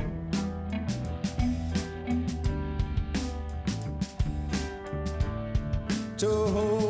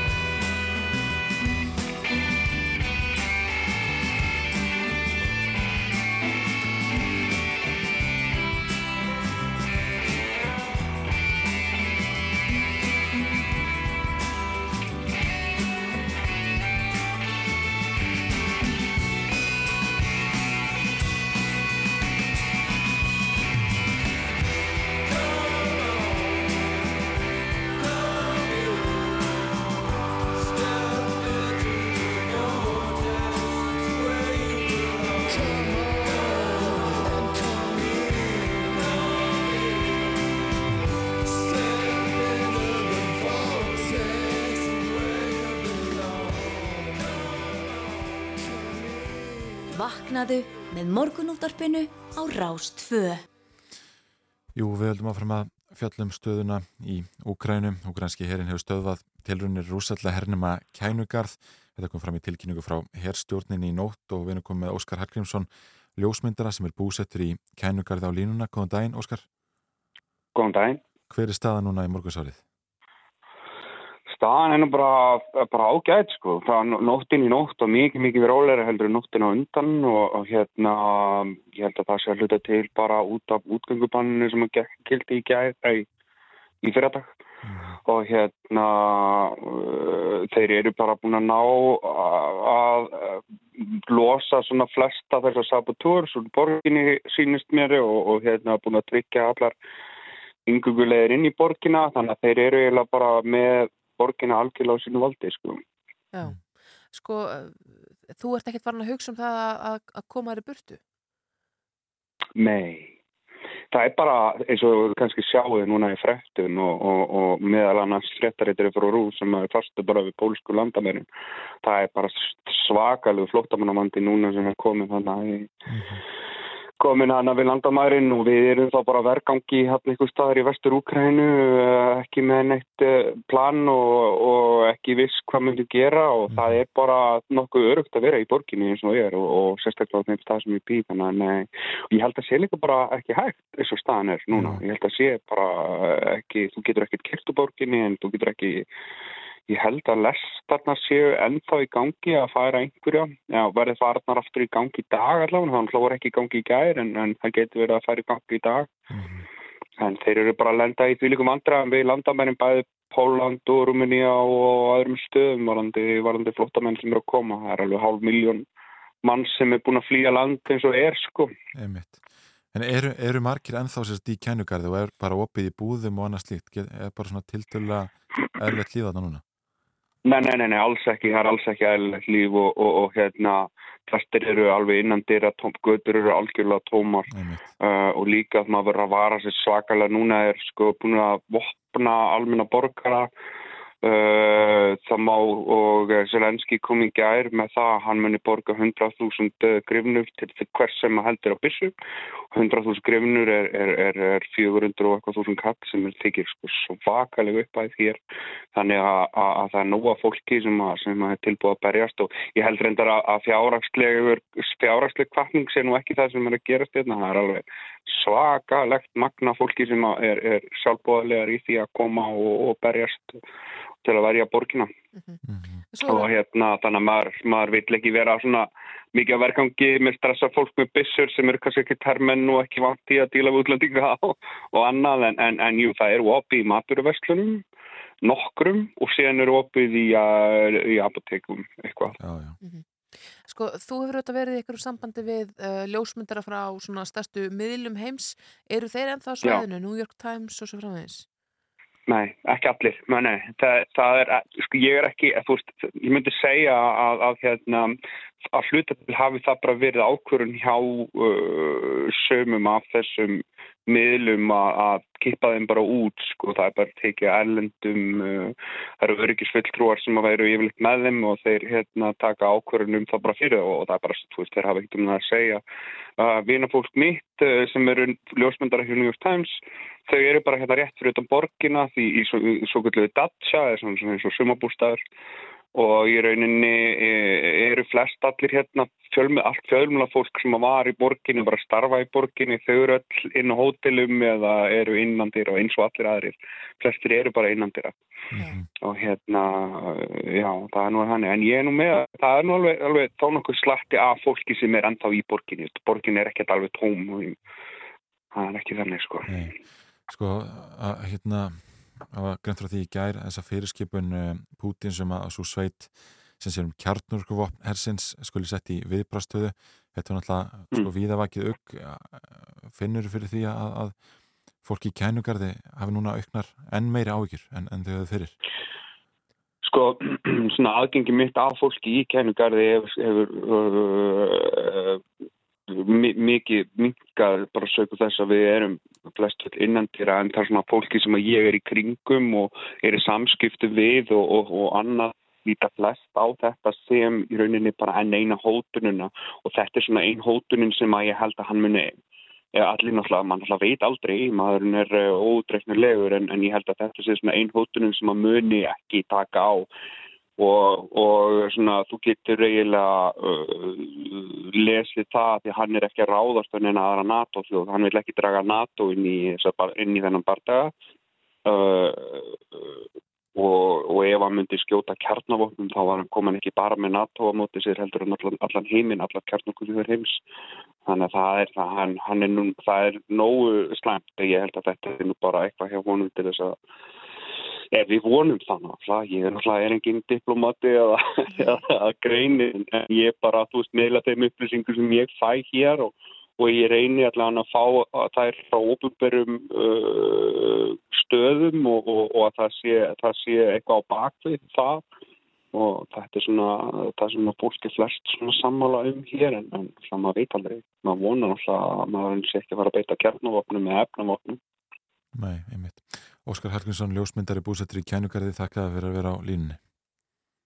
Takk fyrir. Við ætlum að fara hérna yfir íþróttir helgarna með henni Helgumarkati Hörskullstóttur eftir skamma stund.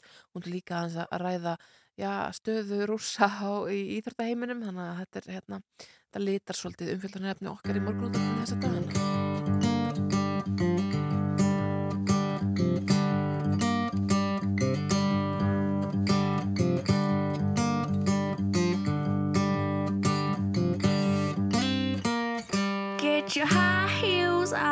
Chest, cause they're hurting me.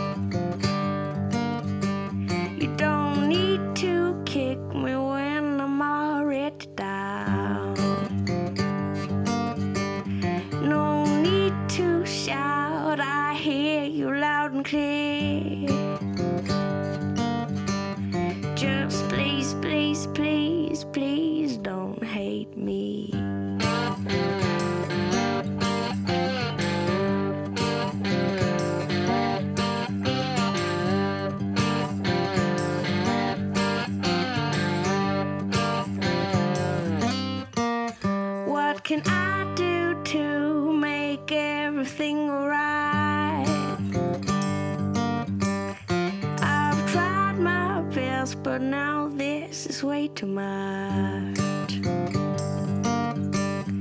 I can beg, I can bleed, I can even make you weep.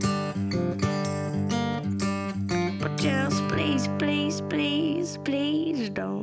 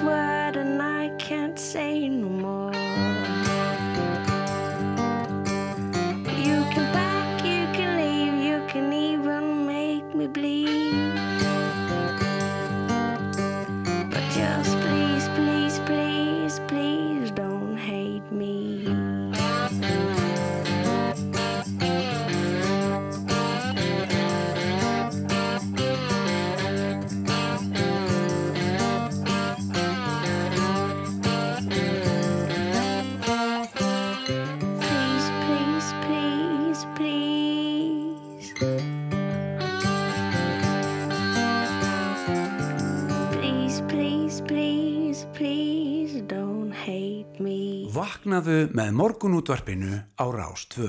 Jú, jú, Leila og þetta var skemmtilegt. Hún er komin inga til okkar Helga Margreta Höskuldsdóttir frá Íþróttafrætti til Rúfi fyrir alltaf yfir, yfir Íþróttafrættir Helgarnar hérna á mándum. Vertu velkomin Helga. Takk hérlega, góðan daginn. góðan daginn. Um, já, ef við kannski bara byrja á Rúslandi og viðbröðum Íþróttarhefingarnar við uh, innrásinni.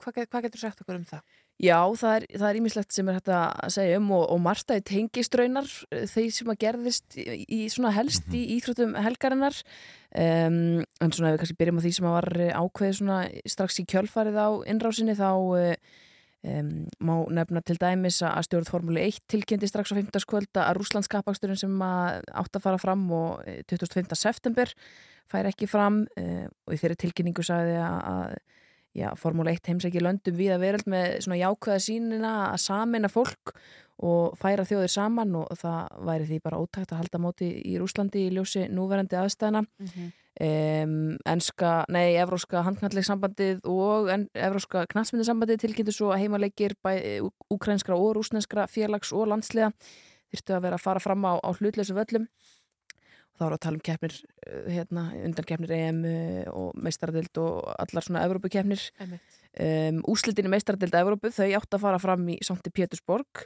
í mæ en sa, hérna, hefur verið færður til Parísar Mhm. Alþjóða Ólimpíunemdin er búin að gaggrina bæði rússa og kvítrússa fyrir að hérna, rjúfa sem sagt, það sem að heitir Ólimpíu vopna hlið í Olympic Truce Já.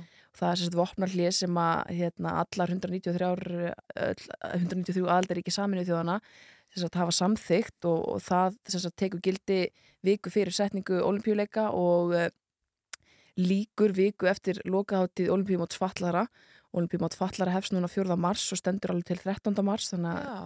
þeir eru þarna að hérna, brjóta, brjóta þetta vopna hlið Fyndi sko nefna það því að það var aðeins talað um það í tengslu við eh, heimsókn Pútín til vetrarolimpíuleikana í Peking Mhm. að, að sko svo heimsókn þýttir að vera að það mun ekkert gerast í Úkrænu og meðan að Mhm. Pútín er þar en, en það greinlega er samt ekki alveg þannig að, að hérna, hann svona meti þetta vopnalíi Nei. Fullkomlega búin að hunsa það bara það, Já, þú veist, það það, er það er alveg nokkuð ljóst.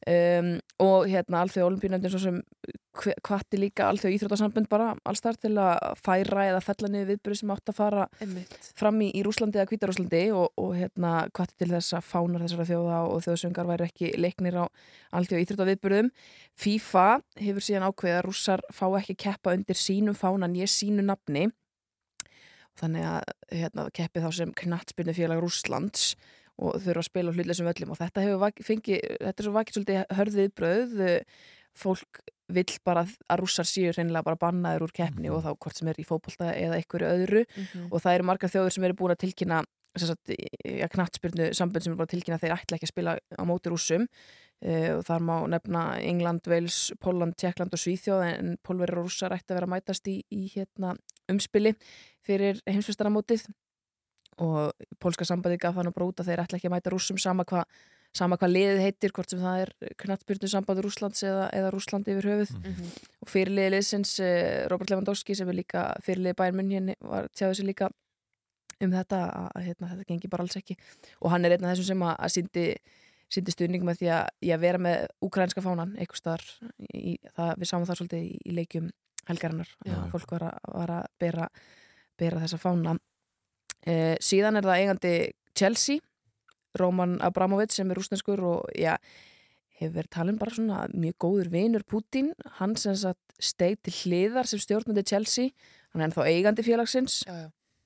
Uh, útskýrði ekkert nánar þessa ákvörðun sína En tók hann þessa ákvörðun sjálfur eða? Já, svo virðist allavega að tilkynningin kemur frá honum um, og þetta hefur kannski já, verið svolítið óljóst hérna hvað eldur eirunni og af hverju hann, hann, hann segir ekkert meir hann segist bara vera að taka, taka ákvörðun með hagfélagsins fyrir brjósti En hann er ennþá eigandi náttúrulega. hann er Já. ennþá eigandi og, hérna, og hann setur sem sagt félagið í hendur einhverja góðgerða samtaka Já. En svona svo við tengjum það við, við hérna, íþróttar helgarnar þá mættust Chelsea og Leopold í, í úslitum deildaböggasins það var sem, já það var rosalega leikur. Endaði 0-0 og fór í vítaspyndukeppni og það þurfti 22 vítaspyndu til að að skera út um sigurvera Vá, það er Já, ekki smá. það er mjög mikið. Það það, er þú veist, rosalega mikið. við erum náttúrulega vönni að þetta taki ykkur að 5 vítaspyndur Já. kannski, max 6, 7, 8 sko. En uh, það sem sagt skoruðu bara allir úr sínum vítaspynnum þannig að, og endanum voru það markverðinir sem þurfti að taka vítaspyndur sem sagt nummer hérna 11 og 12 og, og hérna, það var markverðin Chelsea sem að klikkaði. Já. um, Já, ég held að þetta sé nú svona um það bil, svo er það Köruboltin reyndar, Ísland, íslenska landslið, það e, tapaði fyrir ítölum í gær með 8 stegum eftir að hafa unnu glæsilegan tökkistegi sigur hérna heima í tvíframlendu leik á 50 daginn Já. en með Íslandi í reyðli í þessari undankemni eru bæði rússar og hollendingar og þeir áttu að mætast í gær en hollendingar þver tóku bara fyrir það að fá rússarna í heimsókn þannig að sá leikur fór ekki fram Já. og Ísland á að mæta Rúslandi í 4. júli hefur svo sem ekkert komið fram en þá frá, frá KKI hvort að, hvort að þeir hyggist spila þann leik en hérna það er, það er svona, já, manni finnst umræðan vera svo að fólk vilji helst bara að rússar verði bara útilegar Já. frá keppni punktur sko Emmitt, emmitt. Um, þú nefnir þetta með, með körfuna, íslenska körfuna, Mhm. um, sko, sk- strákarnir unnu þetta hérna, svolítið drömmin sigur á ítölum fyrir helgi. Já. Uh, en hver er þá staðan í, í þessari keppni? Hva, hérna, hvar Sko, við, eftir, eftir sigurinn á 50 dag þá vorum við í öðru sæti þessara riðils, þetta eru, það eru fjögur lið þessum riðli, þrjú sem að fara áfram Já. Uh, og við erum í þriðja sæti núna eftir, eftir tapi í gær.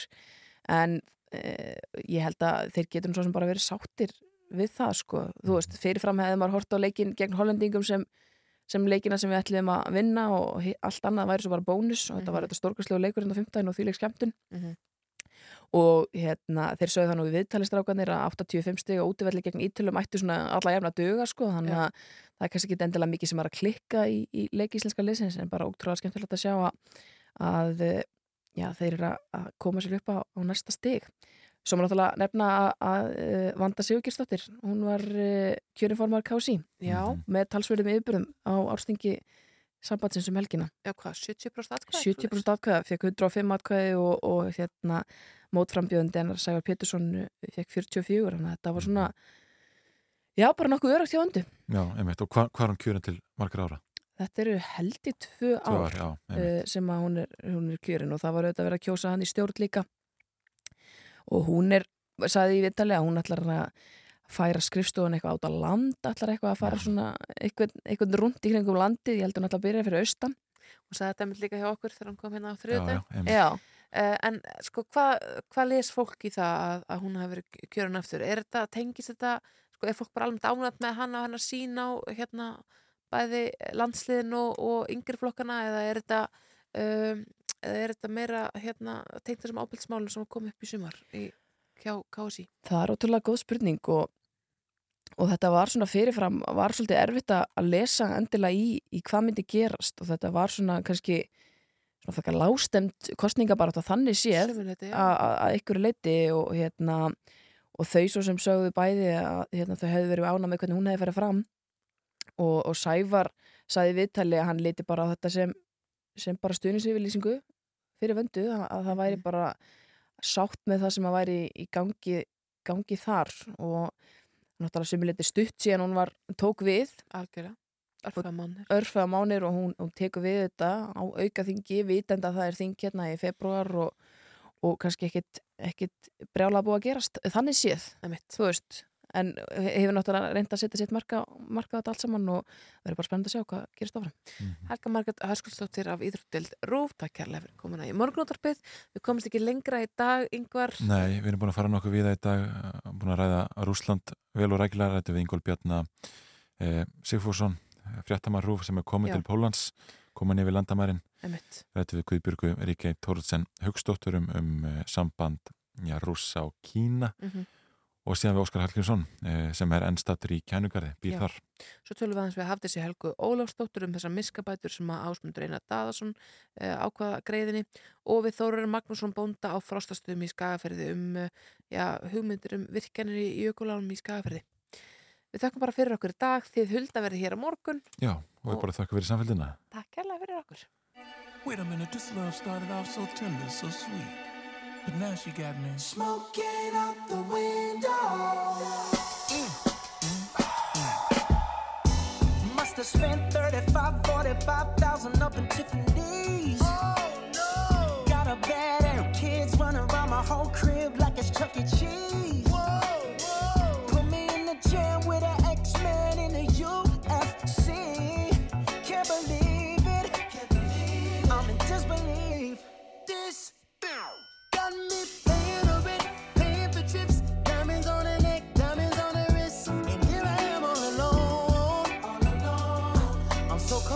So cold.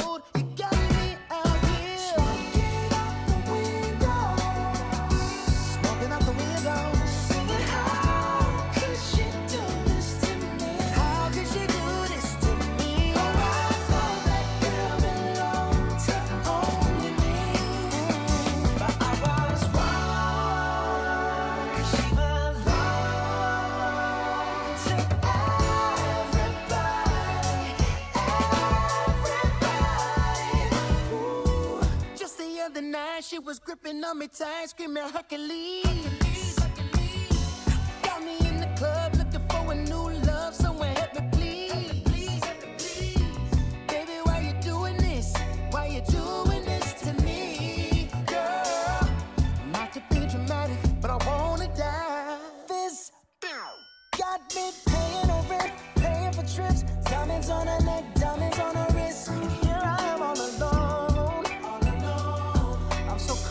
don't call